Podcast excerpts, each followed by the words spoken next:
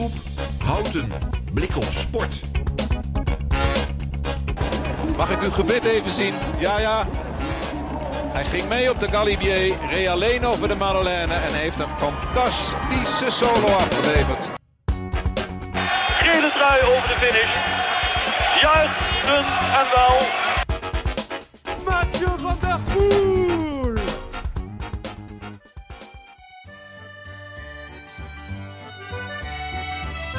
Welkom bij de eerste aflevering van Blik op Sport, de Tour-editie.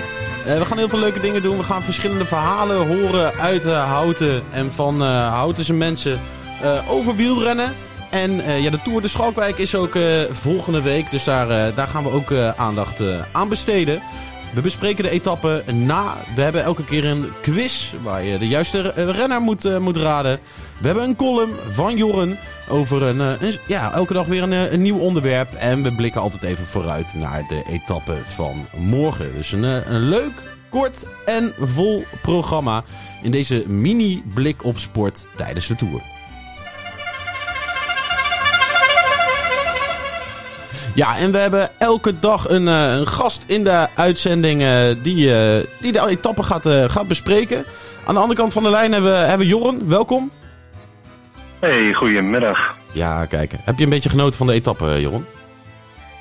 Zo, ja, dat was, ik heb er lang naar uitgekeken. Maar het was ook echt wel een spektakel wat, uh, wat, ik, had, wat ik had gehoopt. Ja, want uh, ja, de laatste 20 kilometer waren echt uh, spectaculair, hè? Nou, de, de Col de Piek, of in ieder geval op zijn Baskisch, hem uitspreken weet ik niet precies. Maar dat, waar het los zou gaan branden. Nou, het brandde ook volledig los. Met natuurlijk het gelijke titanenduel Vingegaard en, uh, en. Met als verrassing uh, Victor Lafay, die daar een deel kon blijven hangen. Maar uiteindelijk trokken ze, trokken ze niet door. Dus uh, dat was misschien een anticlimax. Al maakte de finale een hoop goed met de, de gebroeders die de, de, de aan, naar de finish reden.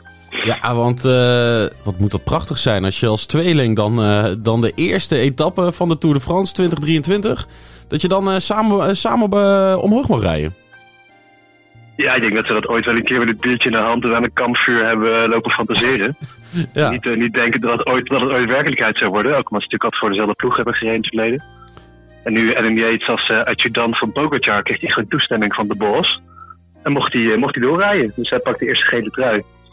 En UAE uh, heeft een mooie eerste dag beleefd. Ja, maar liet Simon hem nou een beetje lopen of, of kon hij echt niet beter? Er werd weinig over nagepraat, nagepraat bij de NOS, vond ik.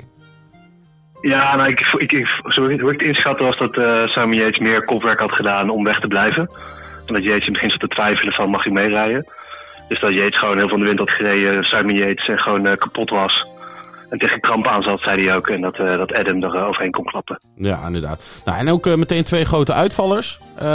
Enric Mas en Carapaz. dat is wel een aderlating voor de Tour, hè? Ja, zeker. Voor de Tour sowieso. Twee podiumkandidaten die ook echt wel alles op de Tour hadden gezet.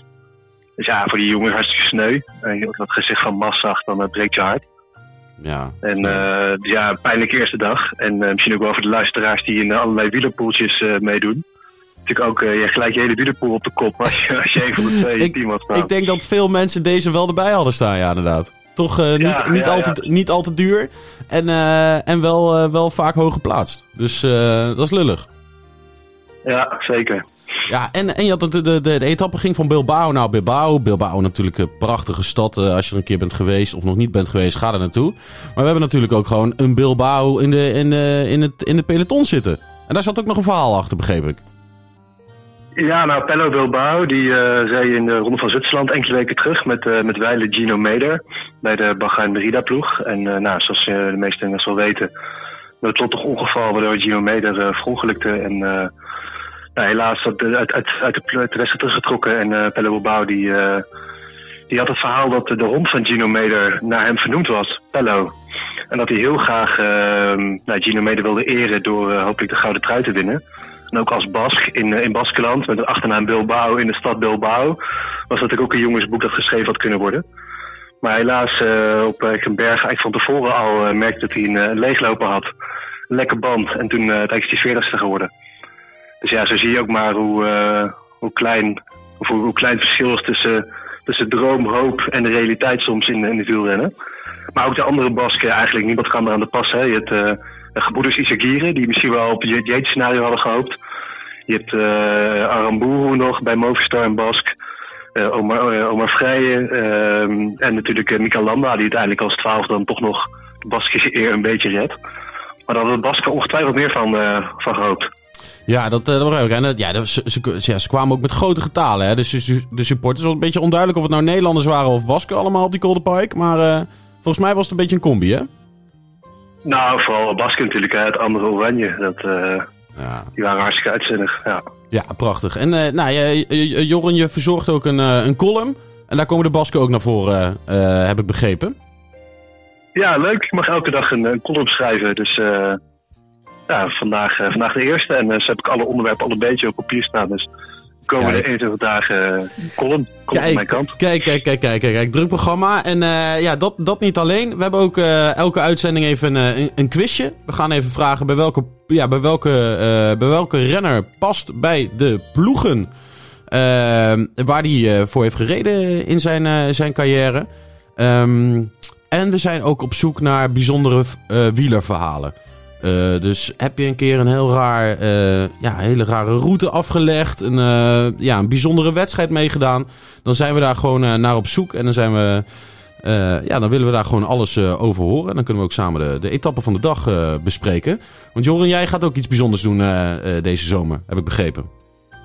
Nou ja, bijzonder. Ik verwacht dat er nog wel andere verhalen zullen oppoppen de komende, komende weken. Ik ben zelf meer een wielervolger dan, dan een wielrenner.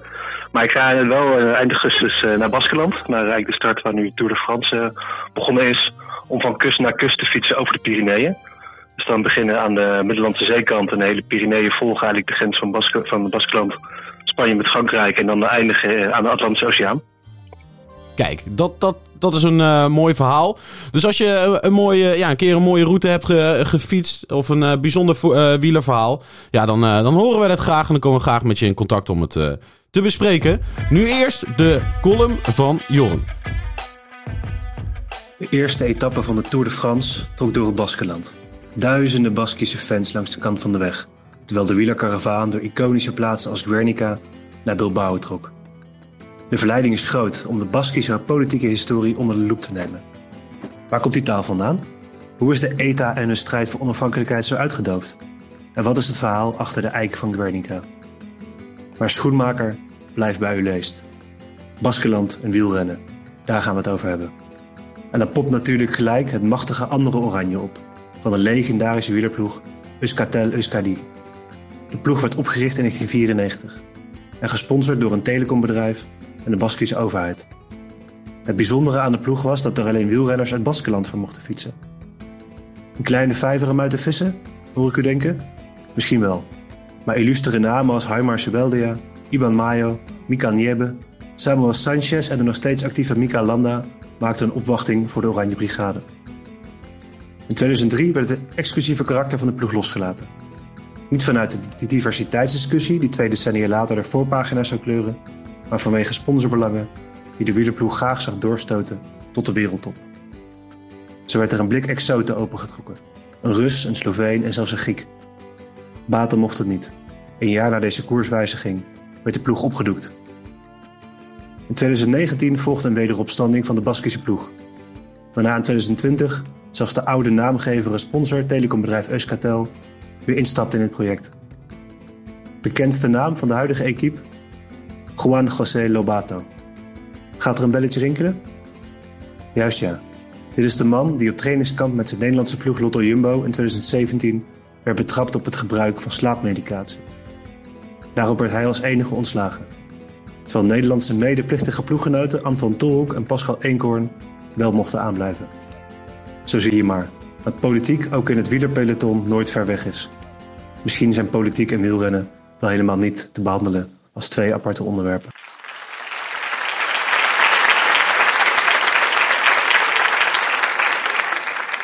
En dan zijn we aangekomen bij de quiz. Hij is gedebuteerd in 2000. Deed zes keer aan de Ronde van Frankrijk mee. En won één keer een toeretappe. In zijn carrière was hij uh, actief uh, bij Euskartel Euskadi. Sanier Duval Prodier en hij eindigde bij Rock Racing. Wie is deze renner? Stuur uw antwoord op naar ruben.omroephouten.nl of stuur een DM naar @blikopsport op Instagram. En dan maken we morgen de renner bekend in een nieuwe aflevering van Blik op Sport, de Toureditie. Ja, en dan zijn we aangekomen bij eh, de volgende etappe. Etappe 2 van Victoria Gasteiz naar San Sebastian. Een prachtige stad. Uh, 209 kilometer. En uh, ja, het belooft weer een, spannende etappe te worden. Want we gaan, over, ja, we gaan ook over weer een historische berg. De Col de Jaiski. Ehm, ja, wat, wat kunnen we verwachten, Joren? Ja, die Jaiski Bel, dat is de scherpsrechter vanuit de Klassica San Sebastian. Is een bekende, bekende call voor de meeste renners. En uh, Mathieu van der Poel schat het in dat het uh, te zwaar gaat zijn voor hem vandaag weer, net als gisteren. Dus dat, uh, dat is even afwachten. Maar van Aert zit er gisteren wel bij. Dus de verwachtingen zijn ook vanuit, nou, vanuit de prognose dat Wout van Aert hem wel overkomt. En dan gaat sprinten voor de ritoverwinning als grootste kanshebber. Maar het kan ook zomaar zijn dat de vluchtersgroep gaat lopen. Omdat de UAE natuurlijk geen ja, belang heeft bij het verdedigen van de gele trui. Dus uh, twee scenario's. Of de favorieten komen over de, de Juice Bel heen, zijn gegroepeerd naar de finish om te sprinten. Of een vluchtersgroep die het mag gaan uitvechten en dan gelijk de gele trui uh, als bonus mee kan pakken. Ah, kijk, kijk, kijk, hartstikke goed. Wie, wie is voor jou de grootste favoriet? Uh, nou, dat denk ik nog wel Wout van. Die, was gisteren, die zat er gisteren bij, vandaag iets minder zwaar.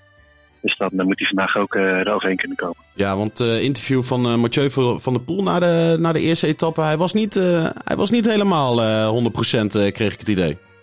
Nee, en hij schat zichzelf ook echt niet in als klimmer. Hij is wat groter, wat zwaarder, dus uh, wat vanuit klimt is beter.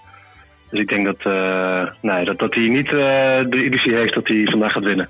Maar ja, we weten het niet, hè. Blijft, blijft Mathieu. Het blijft Mathieu. Altijd, altijd een verrassing en natuurlijk steen goed. Nou, dat is, dat is hem voor, voor vandaag. de, de etappe staat op het, ja, die is al begonnen op, op het moment dat, dat we live gaan met deze, met deze podcast. dus we wensen je veel kijkplezier. En morgen zijn we er weer met een nieuwe blik op sport. De Tour variant.